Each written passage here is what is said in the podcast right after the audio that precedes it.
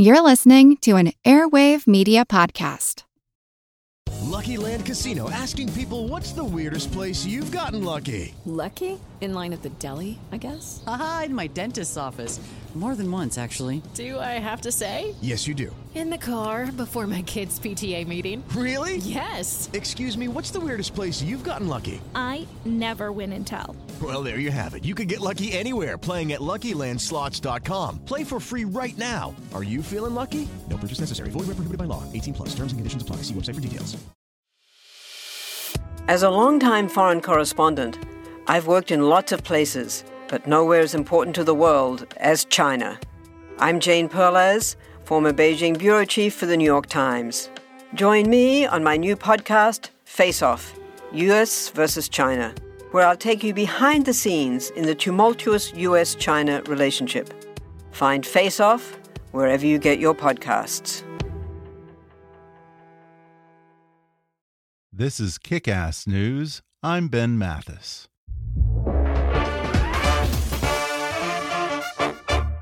With all the stresses of life, it can be easy to lose perspective on what really matters. But Heineken believes that life is about being with friends and opening yourself to new experiences.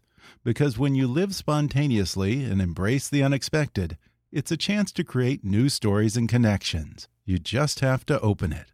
So enjoy a refreshingly cold, full bodied Heineken lager today.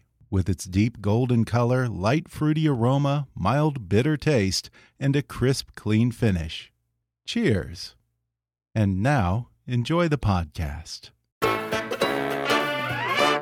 Hi, I'm Ben Mathis. Welcome to Kick Ass News.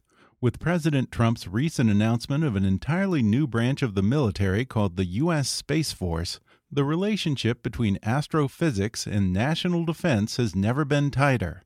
But my guest today points out that it's a relationship that goes back centuries and has played a key role in some of history's greatest conflicts and empires. And he says next time you use GPS or a microwave, you have the military astrophysicist to thank for it. So today I'm happy to welcome the smartest man I know, Dr. Neil deGrasse Tyson, back to the podcast. He's an astrophysicist, the director of the Hayden Planetarium, a number one best selling author, and the host of Star Talk. He recently co authored a new book called Accessory to War The Unspoken Alliance Between Astrophysics and the Military. And today he joins me on the podcast to talk about the long history of this mutually beneficial relationship between war makers and stargazers. He recalls his early qualms about the military space industrial complex, but says the military often serves as a source of creative inspiration for astrophysicists and shares some of the unexpected breakthroughs that emerged from government funded defense projects. Then Neil weighs in on President Trump's proposed Space Force and says just because Donald Trump suggested it doesn't make it a bad idea. In fact, Neil says he suggested the same idea years ago during the administration of George W. Bush, and he recommends that a Space Force shouldn't just protect America and our space assets from enemies, but from asteroids and space junk as well. Neil describes what a full blown space war might look like and says it's nothing like what we see in Star Wars, but it could be just as devastating. So much so that he says there's a certain degree of mutually assured destruction to the militarization of space. Plus, a crazy scheme to weaponize asteroids, Neil suggests that America needs more than just a space force, we need a truth force, and we talk about the power of the words, I don't know. Coming up with the brilliant and fascinating Dr. Neil deGrasse Tyson in just a moment.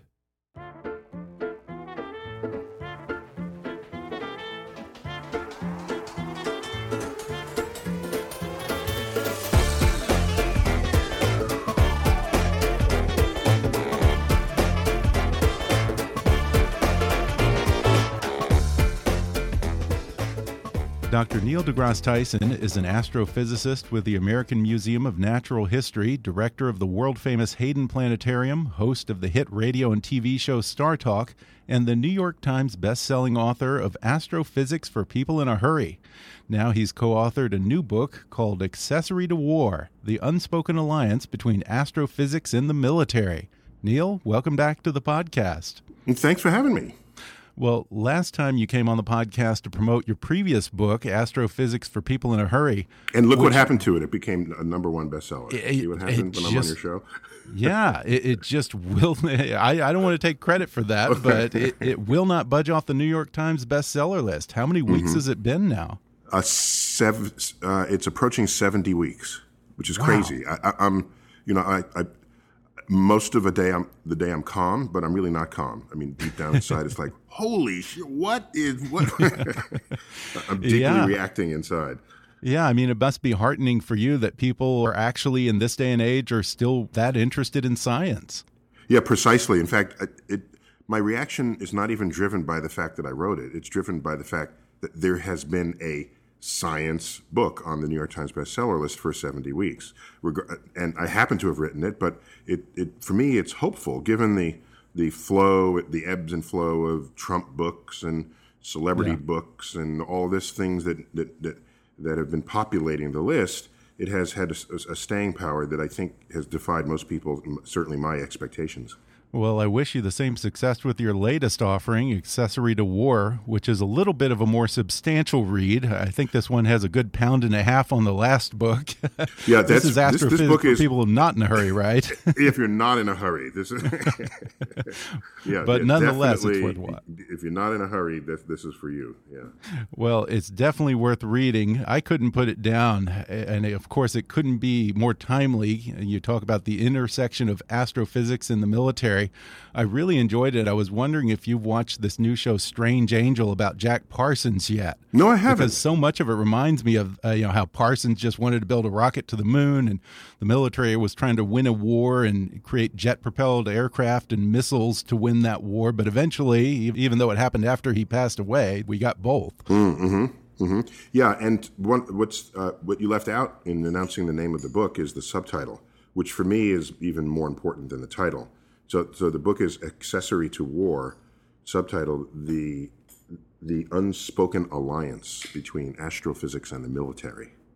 Yes. And that's where yes. the, that's where the meat and potatoes is within it, or, or the, the kale and carrots, whatever if you happen to be vegetarian. now that title, accessory to war, almost sounds ominous. You know, I hear accessory and I think accessory to a crime or complicity in something nefarious, but you don't necessarily see this relationship in those terms. Would you call it a necessary evil, or is even that too harsh a term? Yeah, I, I didn't know what word to use. Accessory makes it clear that you, you didn't really make the bomb. You know, you have the getaway car, right? Uh, you you've enabled something to happen, even though you didn't make the you didn't do the thing itself. That's the sort of the closest word I could come to. But mm -hmm. it's mm-hmm. really a two way street, and I don't mean to implicate blame.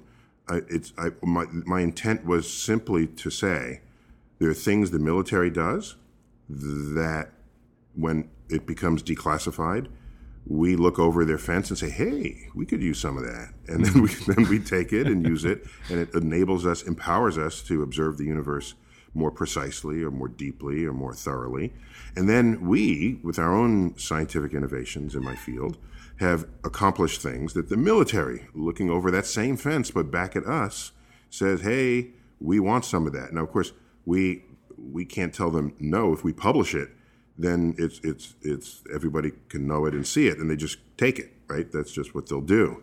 And this right. this two way street with the picket fence dividing the two the two lanes has been going on for centuries, even millennia. And the the book is an, is an attempt to highlight that for people who might not have otherwise thought this two way street existed at all. And and mm-hmm. what what what might contribute to not knowing it's a, it's a simple fact. That's why it's the unspoken alliance.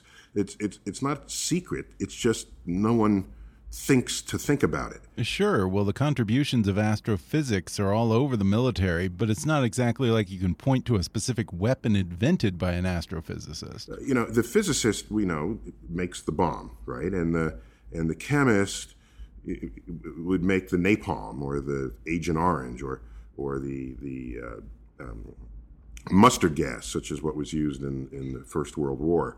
And the, the biologist, if you're a rogue state, you might hire one to weaponize your anthrax.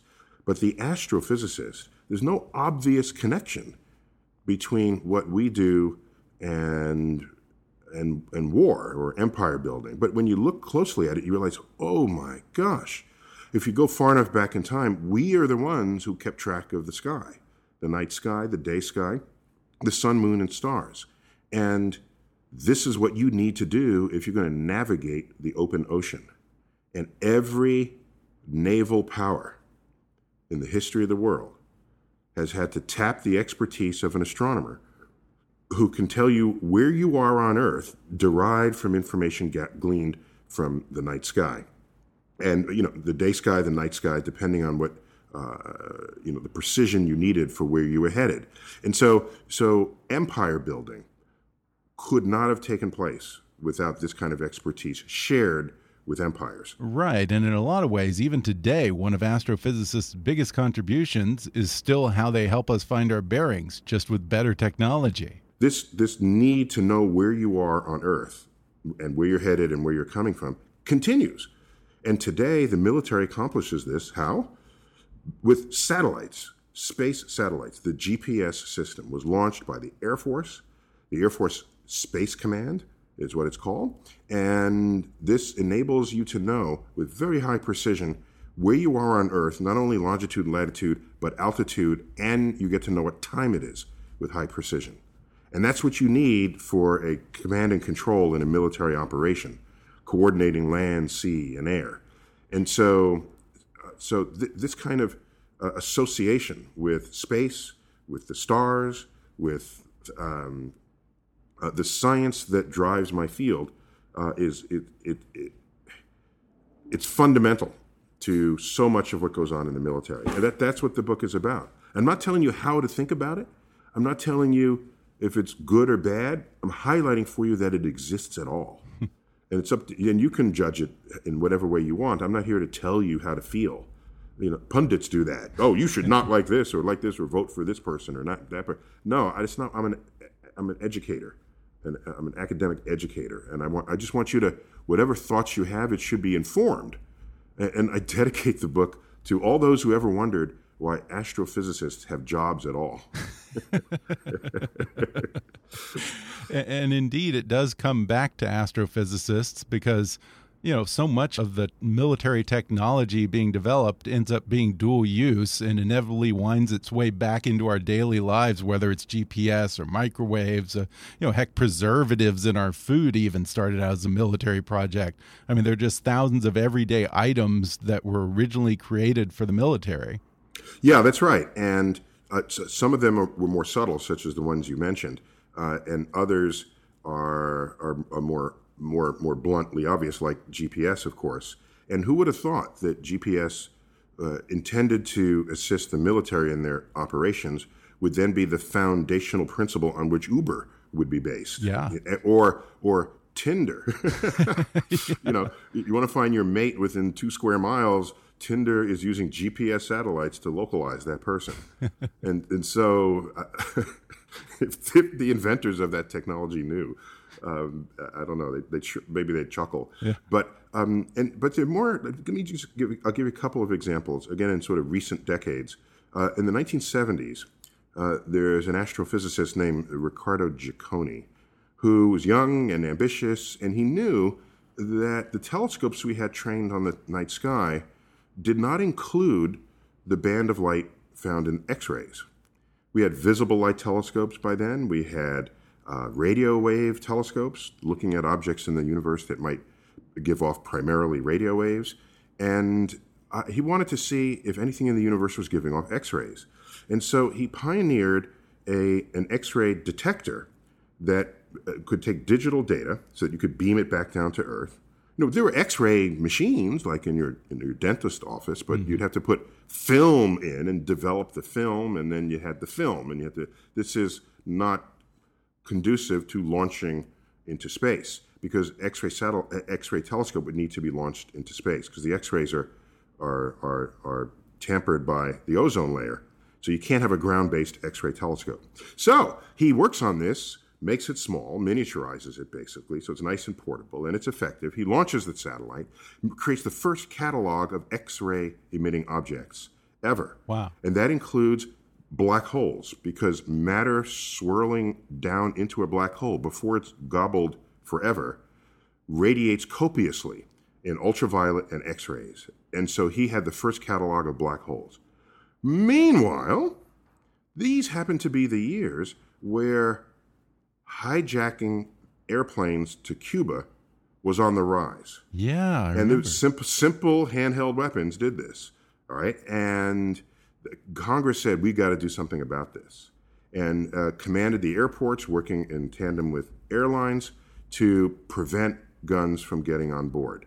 And so, do you now search everyone's luggage by hand? Do you pat everyone down? What do you do? And in comes th- this X ray detector. And the name of the company that produced it was American Science and Engineering. And he's a co founder of that company based in Boston. So, they provided the first X ray detectors for airports.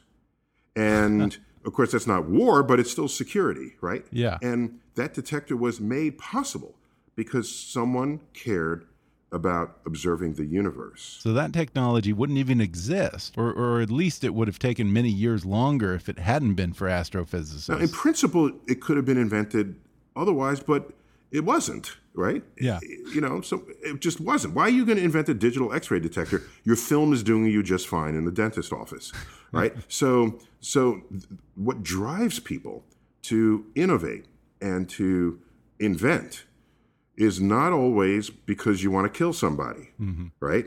And so uh, this is this is an example of where uh, uh, the the the brain trust of astrophysicists has been tapped by the military. And and one other one, again a modern example, we ca- what do we care about in my field? A multispectral detection of dim things that possibly be that are possibly moving across the sky and that are hard to detect. Well, that's exactly what the military cares about. And so, whatever we innovate there, either in hardware or software detection techniques, they are right on the case. So this cross pollination fosters creative inspiration, probably in a way that might not otherwise happen if, say, scientists and the military were just siloed in their own separate little worlds. Yeah, exactly, exactly. So part of it is just the ability for this information to be seen by the other parties. That's an important fact. The um, there's another very recent example. Well, last uh, 20 years or so. Uh, I'm old enough to say that that's recent. Okay, a 20 year old college sophomore might feel differently. Junior, that's before I was born, dude. Time is Um, relative. uh, last couple of decades, the military, uh, they had a long-standing challenge of how do you track a signal, a light signal, in the atmosphere, where the light coming to you is disturbed by the differently moving pockets of air that are at different temperatures that refract the path of the light to land where you are in a place slightly different from where you think it is in the sky. Hmm. Okay, so that's it's simply because of regular refraction. Uh, and remind people, refraction. If you take a pencil and it, you tilt it in a glass of water, and you look at the boundary between the water and the air, the pencil looks like it's, it's bent. Right, that, it's- Right. That's refraction. The, the light rays are not coming from the same place when they hit you through the air or through the water. Well, in the atmosphere, that same effect will take place just by different pockets of air temperature will do this. So, what you need to do is assure yourself you know where the actual thing is, because if you're going to shoot at it, you want to make sure the bullet is in the right place. You're not shooting some phantom image Yeah. provided to you by its refraction. Yeah. So basically, the, the, the military pioneered an entire branch of, of, of, of, of observation called adaptive optics. Mm-hmm. Adaptive optics. And this is a system that compensates for this jiggling and wiggling of this image as it comes through the air.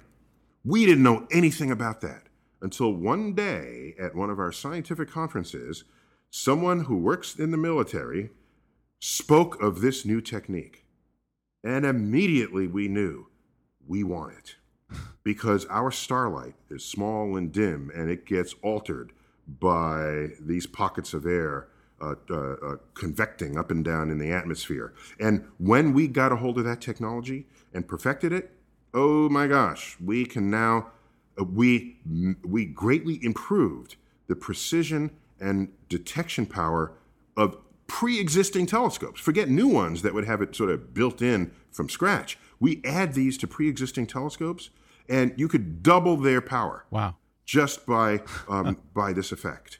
And so amazing. So, uh, and part of why you can double the power is if you take a long exposure, the star is basically wandering on the on in the field of view, and it creates this smeared blob.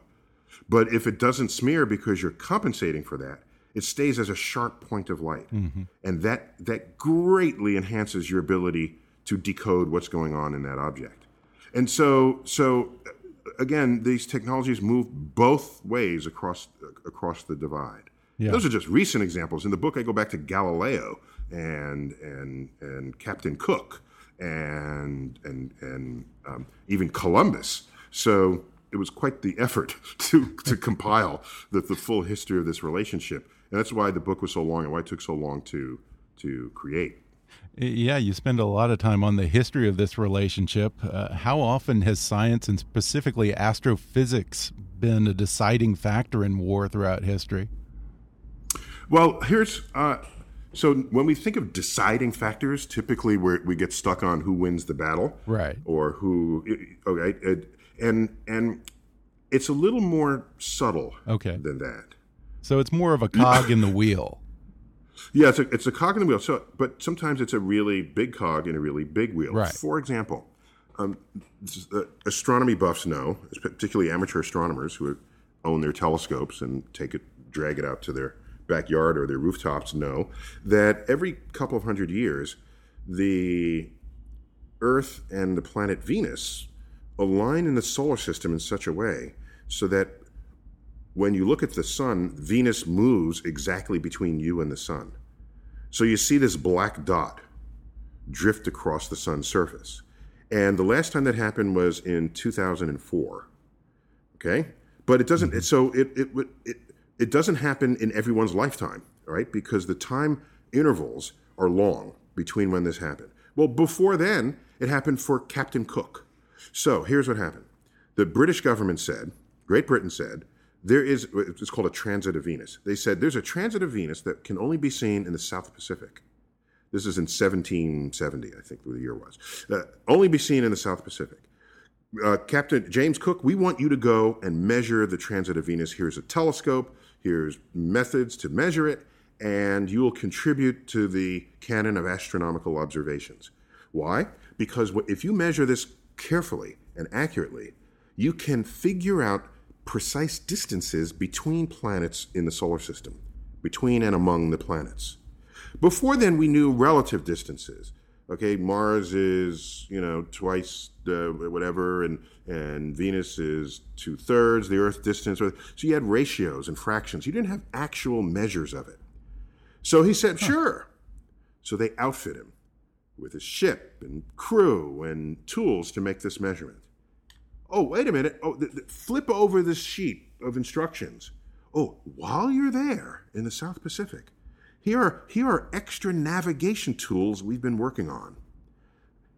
Use these tools to map every coastline you come to and bring us back that information. So he does this.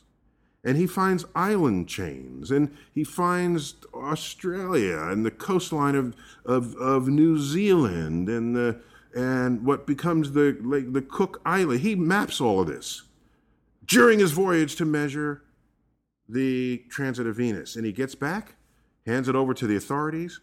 Within 18 years, Great Britain takes control of Australia.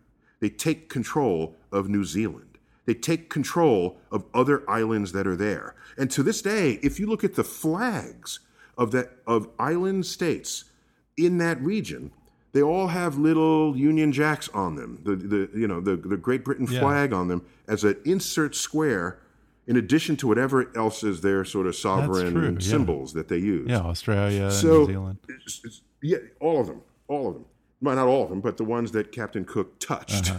Okay, the Pitcairn Islands. Oh, and, right, right. And of course Tasmania. Yeah. And which technically is part of uh, Australia, but they still have some sort of autonomy in that. Uh, he, he touched all of these. So it's not so much that a war was waged, but that an empire was built. And this is part of what enabled Great Britain to say the sun never sets on the British Empire. Right. Right. and there it is, using wow. astronomical tools to me- measure coastlines and using an astronomical observation as the excuse to go there at all. We're going to take a quick break, and then I'll be back with more with Dr. Neil deGrasse Tyson when we come back in just a moment.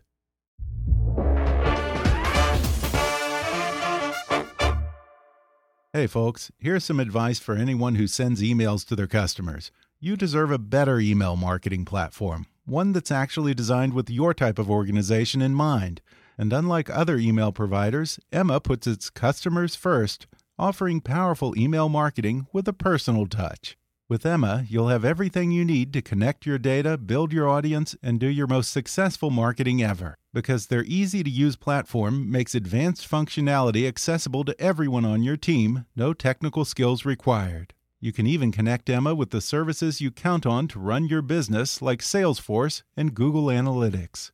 Not to mention, Emma's award winning team is always ready to support you on your email marketing strategy, design, list migration, and more. So put the power of email experts behind your marketing. Request a customized demo of Emma's email marketing platform today at myemma.com. Again, that's myemma.com.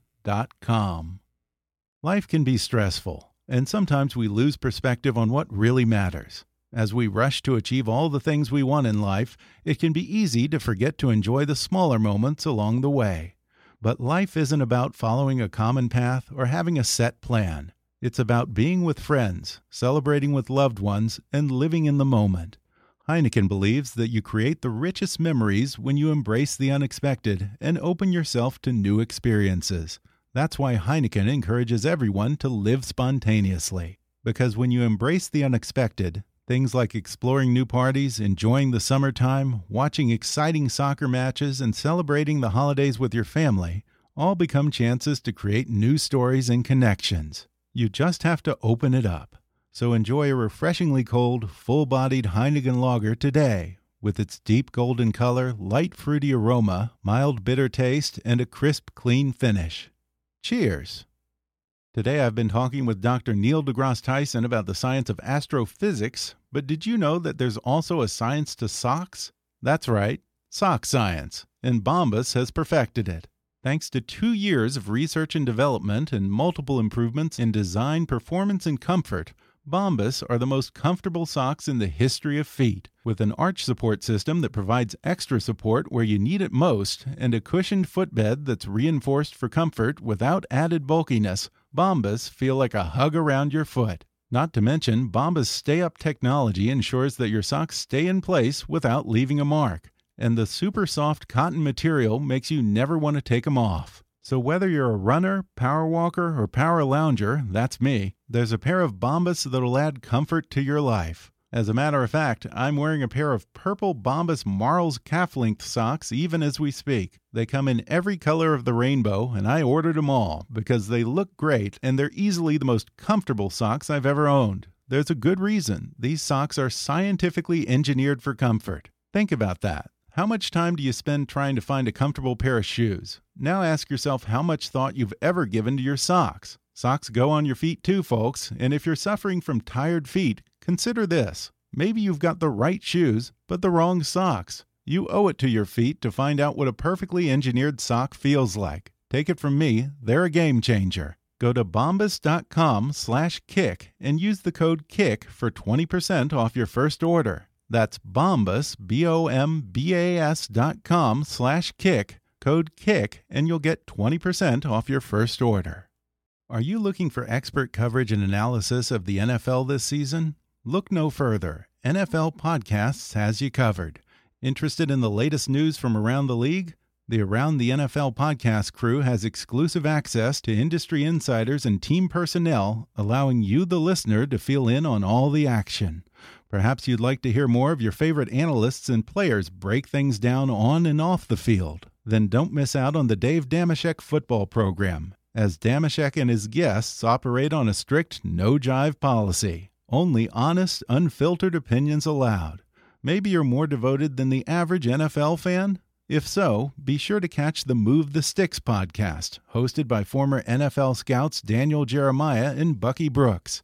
As the NFL preseason continues to heat up, make sure to follow along with NFL podcasts for bold predictions and insights into who will be the next big star.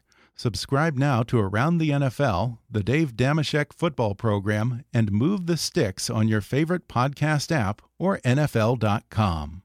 And now, back to the podcast. You opened the book by talking about, uh, I guess you were at a space conference at the start of the Second Gulf War, and I guess you had some reservations about the whole military industrial space complex. Uh, how has your thinking changed on that over the years? So I, I, I spend a lot of the first chapter having you participate in my coming of age, mm -hmm. Right? I, because I, I, grew up in New York City. Uh, it's a liberal voting environment. Uh, I, I, remember the '60s, but I wasn't a participant in it. But I was, you know, I was awake and aware, and I watched the tides turn against the Vietnam War, and so that for me, war was bad. Of course, you're killing people. Why else? Why are you? Why are you doing this? So I could not understand why anyone would ever want to conduct any war at all. Yet when I walk around town, any town, anywhere, you find war memorials, and more often than not, they show uh, uh, soldiers standing proud, um, uh, uh brandishing some weapon of their of their era. You know, if it's not a, a, a sword, it's a musket, it's a carbine, it's a uh, it's it's something, and you walk by and there's proud. We are proud of the. And I'm thinking, well, I don't. No one's proud of what's going on in Vietnam. What? So so is it that my war that I grew up with was different than these other wars, or did war really always have a different place in people's hearts? And so I was just confused, just completely confused. Fast forward in my life, and I uh, I be- joined the board of the Space Foundation, which is an organization that serves the interests of, of stakeholders in space access. And that would include, include military space, commercial space. Um, that would be like DirecTV, anybody who mm-hmm. uses GPS satellites, yeah. uh, the weather satellites, that sort of thing. Also, scientific space. Um, there's uh, all these stakeholders, and it meets every year in a symposium. Well, in 2003, in April, we're all there Oh, by the way, all the contractors to space come to this. We're all there, and what happens? Uh, the second Gulf War breaks out. And the third day of the war was the first day of this conference. And many of the sessions were replaced with the, the live TV coverage from CNN. And you see these missiles get fired and the explosion in, in on the horizon. And, and the announcer never failed to, on CNN, never failed to say what kind of missile it was and who manufactured the, the missile. This is a Boeing, blah, blah, blah, and then Lockheed, blah, blah. And every time a company name got mentioned, the pack of people representing that company at the conference cheered. and I thought, oh my gosh, is, are we at a football game or something? And there's a touchdown? yeah. And, and I knew with every missile strike, there were people dying, being blown to bits. Mm-hmm. And, and I, was, I was deeply disturbed by this juxtaposition of the cheering and what I knew was happening at the other side of those weapons. And I, I, in my head, I said, I gotta, I gotta resign from this board service. I got, how am I gonna, how do I explain this? And I gotta just walk out of the conference and not give my astrophysics talk that I had planned to give. And I was like, but then I realized, wait a minute, wait a minute. Um, these companies are serving the needs of the military. The military is run by civilians. The civilians who run it are elected officials that we vote for. And then I thought, okay, no, it is better that I see this than not see this, and know this than not know this, and feel this than not feel this. And so I stayed a part of that operation, just watching it unfold and and then I recognized that this is what it is, and it's something for me to possibly even document And if you didn't know it is, I'm telling you it is. And then I'm sh- uh, share it with you. And I realize my people, my astrophysics community, that's when it came more real to me that my community historically has participated in this. Again, not as active uh, makers of the bombs, but as facilitators of it. Mm-hmm. So I am not innocent in this, innocent of death. And that's when I went to the publisher. I said, I have to research this and write this up. Well, Accessory to War is a pretty substantial achievement. How long did it take you to write this book? The research for this book began in 2005. Gosh, like 13 years ago. Wow. And that's why it's 600 freaking pages long. And I and I and when I calculated how long it would take me to research and write this book, I said this will take me about a thousand years. So quickly I realized I needed a co-author. So I have a full, genuine yeah. co-author on this book, and her name is Avis Lang, longtime editor of my essays that I had written for Natural History magazine. Uh, I wrote more than 100 essays for them between 1995 and 2005, 2006 probably. And um, and she, we have a very good working relationship. She knows how I think and how I write. We've we've tussled over sentences and phrases and words, and we arrive at mutually agreed uh, um, uh, uh, ways of expression. And she became the ideal co-author yeah. on this, and and there she is. And even resisting publishers' urges, to make my name twice as big on the cover as hers. you, you've seen this before. Um, yeah, sure. Uh, with enough arm twisting, I got them to just keep it a pure co-authorship, and that's what we've got there. in spite of many places I speak in first person, yeah. Uh, in the book, it's it's just think of it still as a as a perfectly co-authored book. Well, I guess it's a good thing that it took, what, 13 years for you to finally put this out because it's coming out at the perfect time as President Trump announced the Space Force, this new branch of the military. And now you claim that you thought up that idea, I think, what, way back in 2001 or something? Oh, well, I, I don't know. I mean, it, I can't have been the first to think about it. Yeah. But I do think about space. And, and uh, I remembered in a commission that I was appointed to by George W. Bush, uh, it was a commission to analyze or explore the health of the aerospace industry and make suggestions on what could improve its future. Mm-hmm. We were concerned at the time, the government was concerned, that is, the White House and Congress was concerned that the aerospace industry was losing jobs at a staggering rate. It had lost, the, the, the industry had shrunk by 500,000 jobs. Right, post Cold War, decade. of course. Yeah, exactly, exactly. And that's sort of the hidden one of the hidden forces operating on that. And there used to be many small companies that got bought or went out of business and got consumed. And at the time this commission was called, it was there were down to five companies. It's why so many of these companies have hyphenated names: Lockheed Martin, right? And there's uh, Northrop Grumman. Yeah. Well, these hyphenated names were companies that had been other companies that all got merged. Anyhow, the the we're in this uh, the, the, the the it's a commission of 12 members people from the entire political spectrum smart educated talented accomplished people. And we're talking about uh, space. And i just i just said to my i put on the table i said has anyone considered spawning the space force off from the air force because the Air Force is the current agency that concerns itself with everything space. Right. In fact, there's something called Space Command. It's, it's a literal title of a branch of the Air Force that has a four-star general in charge of it. And so, so people were, uh, you know, they didn't jump at the idea, but they recognized that the Air Force, you know, seemed to have it under control. And they didn't feel the need to spawn it off. And, and who am I to second guess – what former generals are saying, former members of Congress, former. Uh, these are people who are sort of in the making of the sausage every day. And I was just this visitor to their world. So I said, okay, and we just moved on.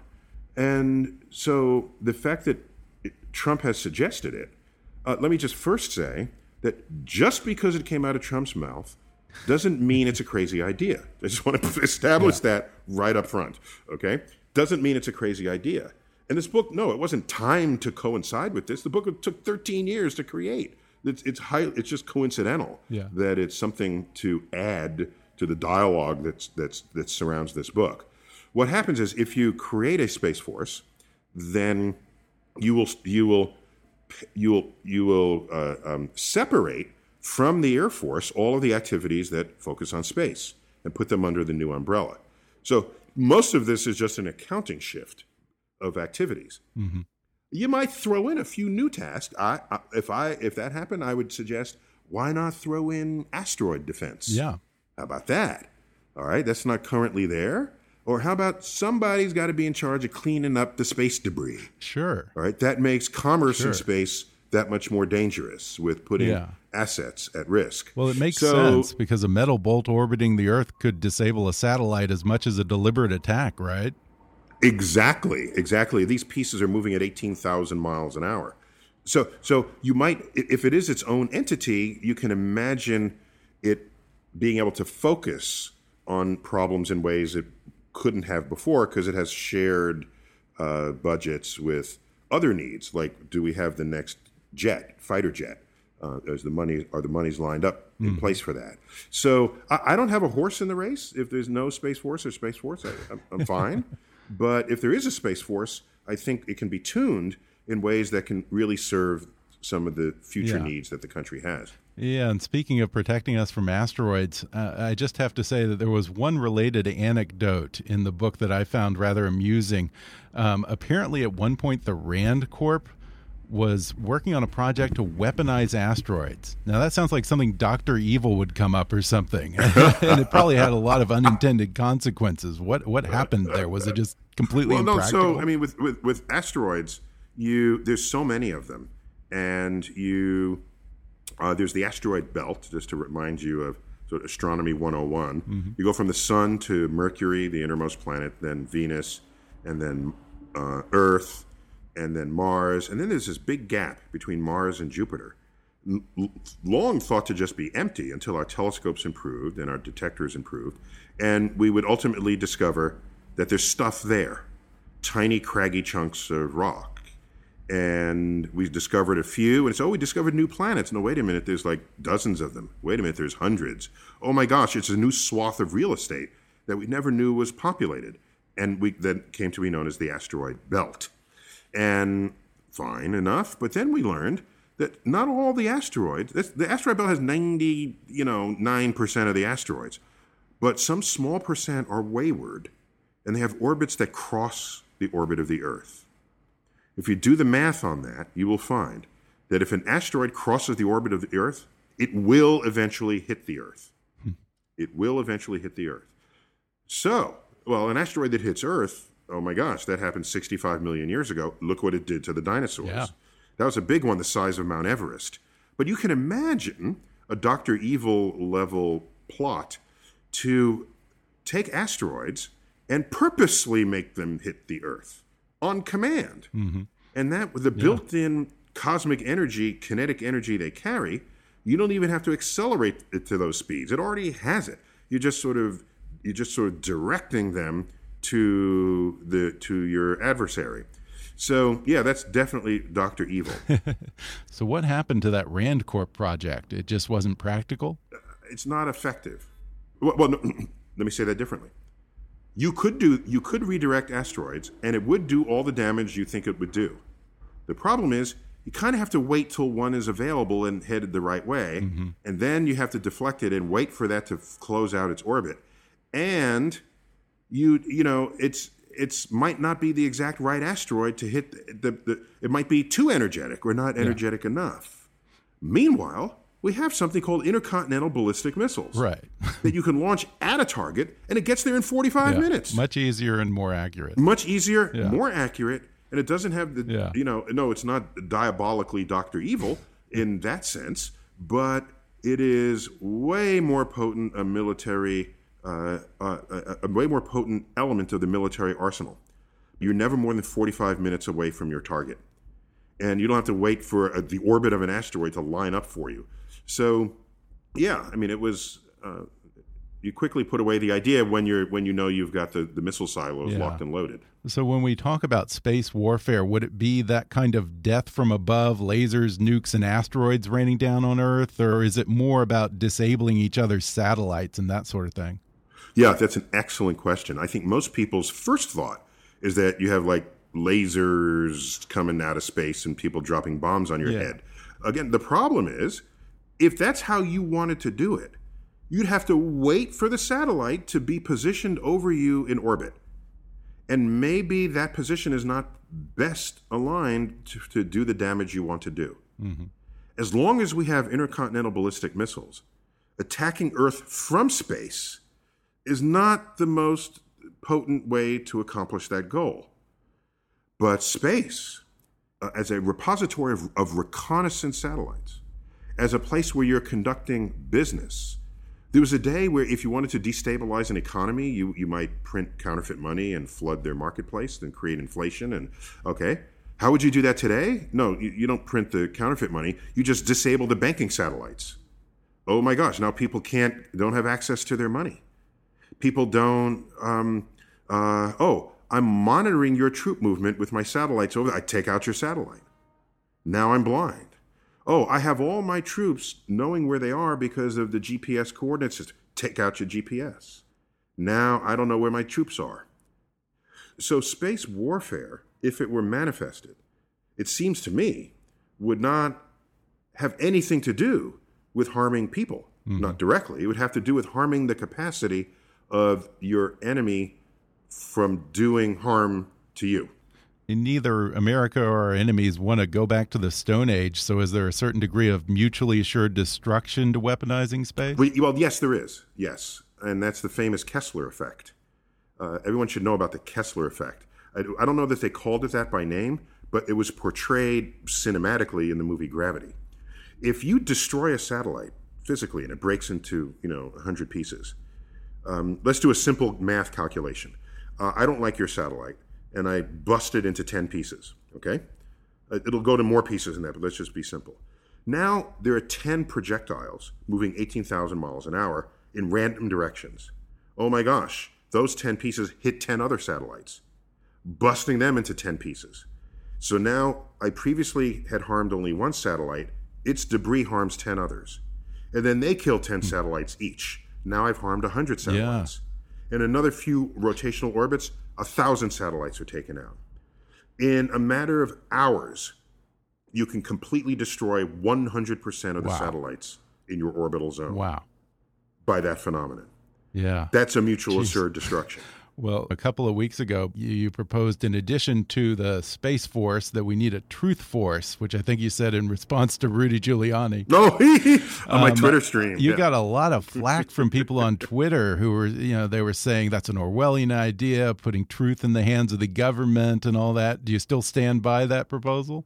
Oh, of course. Yeah. Because people, what I've noticed that the internet, uh, it took me a while to mature to this state. The the internet has no energy to see the positive things in what someone writes, and they will go out of their way to negify it, mm-hmm. uh, negatify it. Uh, we need, I need a word there. I think you just created one. so, realizing that people viewed, oh, by the way, the, the exact wording of the tweet were I don't have a problem with the mm-hmm. Space Force, but what we really need is a truth force, one where the accuracy of information is held in high regard and is is is um, the tweet is more efficiently cut here. Uh, and, and, the accuracy of information is defended against all enemies, foreign mm-hmm. and domestic. That was it. And everyone says, "Oh, this sounds like the Ministry of Truth." Well, ministries of truth, in the in the in the propaganda sense, are the opposite of accuracy of information. Right. So they ignored the two words accuracy of information in the tweet to then take that tack. And then I said, all right, let me add a second tweet to follow up. And I said, here's an example of the beginnings of a truth force the National Academy of Sciences. Okay. It is a, com- it is a community of scientists who invoke the methods and tools of science to find out what is objectively true yeah. in the world. And this organization was chartered by Abraham Lincoln, a Republican, by the way, to serve the the um, the needs of of laws and legislation in a country that was still kind of being born. And he recognized that advances in science can inform how you would govern. And so this is an independent agency that creates reports, that compiles the very latest and best scientific results on all manner mm-hmm. of subjects because the members of the National Academy of Science, Sciences represent all fields of science. That's an example of a truth force. But no one wanted to think that way. They, they're trying to assume that a government elected official is going to say what is true and what is not. Of course, that's not what I'm talking about. I'm a scientist. You think we're going to hand it over to politicians? of course not. It's in reaction to the conduct of politicians. So I, I didn't lose sleep Okay. over the the the 10% of people that somehow thought that I'm saying we should elect officials to tell us what is true. My only question is Does the Truth Force get guns and how's the pension plan? No. the Truth Force shames those publicly who are trying to pull the wool over our eyes. Or more potently, the Truth Force, it trains you how to embrace Yeah. the methods and tools of science so you know how what science is and how and why it works. and when you do that, you you can't propagate lies anymore because we're all too well equipped. We've been inoculated against it. That Yeah. would be another example of a truth force. Well, I did promise one person that I would ask you their question, and their question was real quick before we go. How often do you utter the words, I don't know, and what is your computer screensaver? Uh, I say I don't know anytime I don't know something. Okay. That's fair. and often, however, when I'm in public, people are asking questions that I do know, just as a scientist. But uh, I, I can give you some some good ones where my best answer is I don't know. You ready? Uh, oh, Dr. Tyson, what is the nature of dark matter? I have no idea. Next question. Uh, Dr. Tyson, what is dark energy? I have no idea. Next question. No one So, does. but but in those cases, it's not simply that I don't have an idea. That the entire scientific community Yeah. has no idea. And as a PhD scientist, it's my job to know what is known and what is not Mm-hmm. known about this world, because that that enables you to choose where to base your research. If it is known and I don't happen to know it, well, I better get my ass up there and learn Yeah. it from those who did discover it. That's what I do. That's why I have three thousand books on my shelf. That's why. I, that's why I write books that includes research that I, I hadn't been done before. That's it's what an academic does. I I come from the the breed of people who write wiki pages. Right? they're, they're not handed from from from Mount Olympus. They're people who are experts at things that actually write Yeah. this stuff up. And your computer screensaver? Oh, uh, so uh, my my screensaver. Uh, let me see what it goes to. I'll, I'll do it now. Okay, screensaver is a rotating tiling of all the album covers of all the music that I own. So it's an iTunes screensaver. That is not what I would have predicted at all. okay. Oh, but okay, That's but fun. wait, that's the screensaver. But the desktop image, that's uh, Van Gogh's Starry Night. Oh, okay. Beautiful. Well, Neil deGrasse Tyson, you are a very stable genius. and your book is called Accessory to War The Unspoken Alliance Between Astrophysics and the Military. Dr. Neil deGrasse Tyson, thanks so much for talking with me. Again, thanks for Frank. Thanks for your interest. Thanks again to Neil deGrasse Tyson for coming on the podcast. His book, Accessory to War The Unspoken Alliance Between Astrophysics and the Military, is available starting Tuesday, September 11th on Amazon, Audible, or wherever books are sold. For more fun stuff, visit haydenplanetarium.org slash Tyson, subscribe to his podcast, StarTalk, wherever you like to listen, and follow him on Twitter at, at Neil Tyson. You deserve a better email marketing platform. And unlike other email providers, Emma puts its customers first. It's powerful email marketing with a personal touch. Their award winning team is always ready to support you on your email marketing strategy, design, list migration, and more, so you'll have everything you need to do your best email marketing yet. Request a customized demo of Emma's email marketing platform today at myemma.com. Again, that's myemma.com. If you haven't already, be sure to subscribe to Kickass News on iTunes and leave us a review. You can follow us on Facebook or on Twitter at, at KickassNewsPod. And as always, I welcome your comments, questions, and ideas at comments at kickassnews.com. I'm Ben Mathis, and thanks for listening to Kickass News.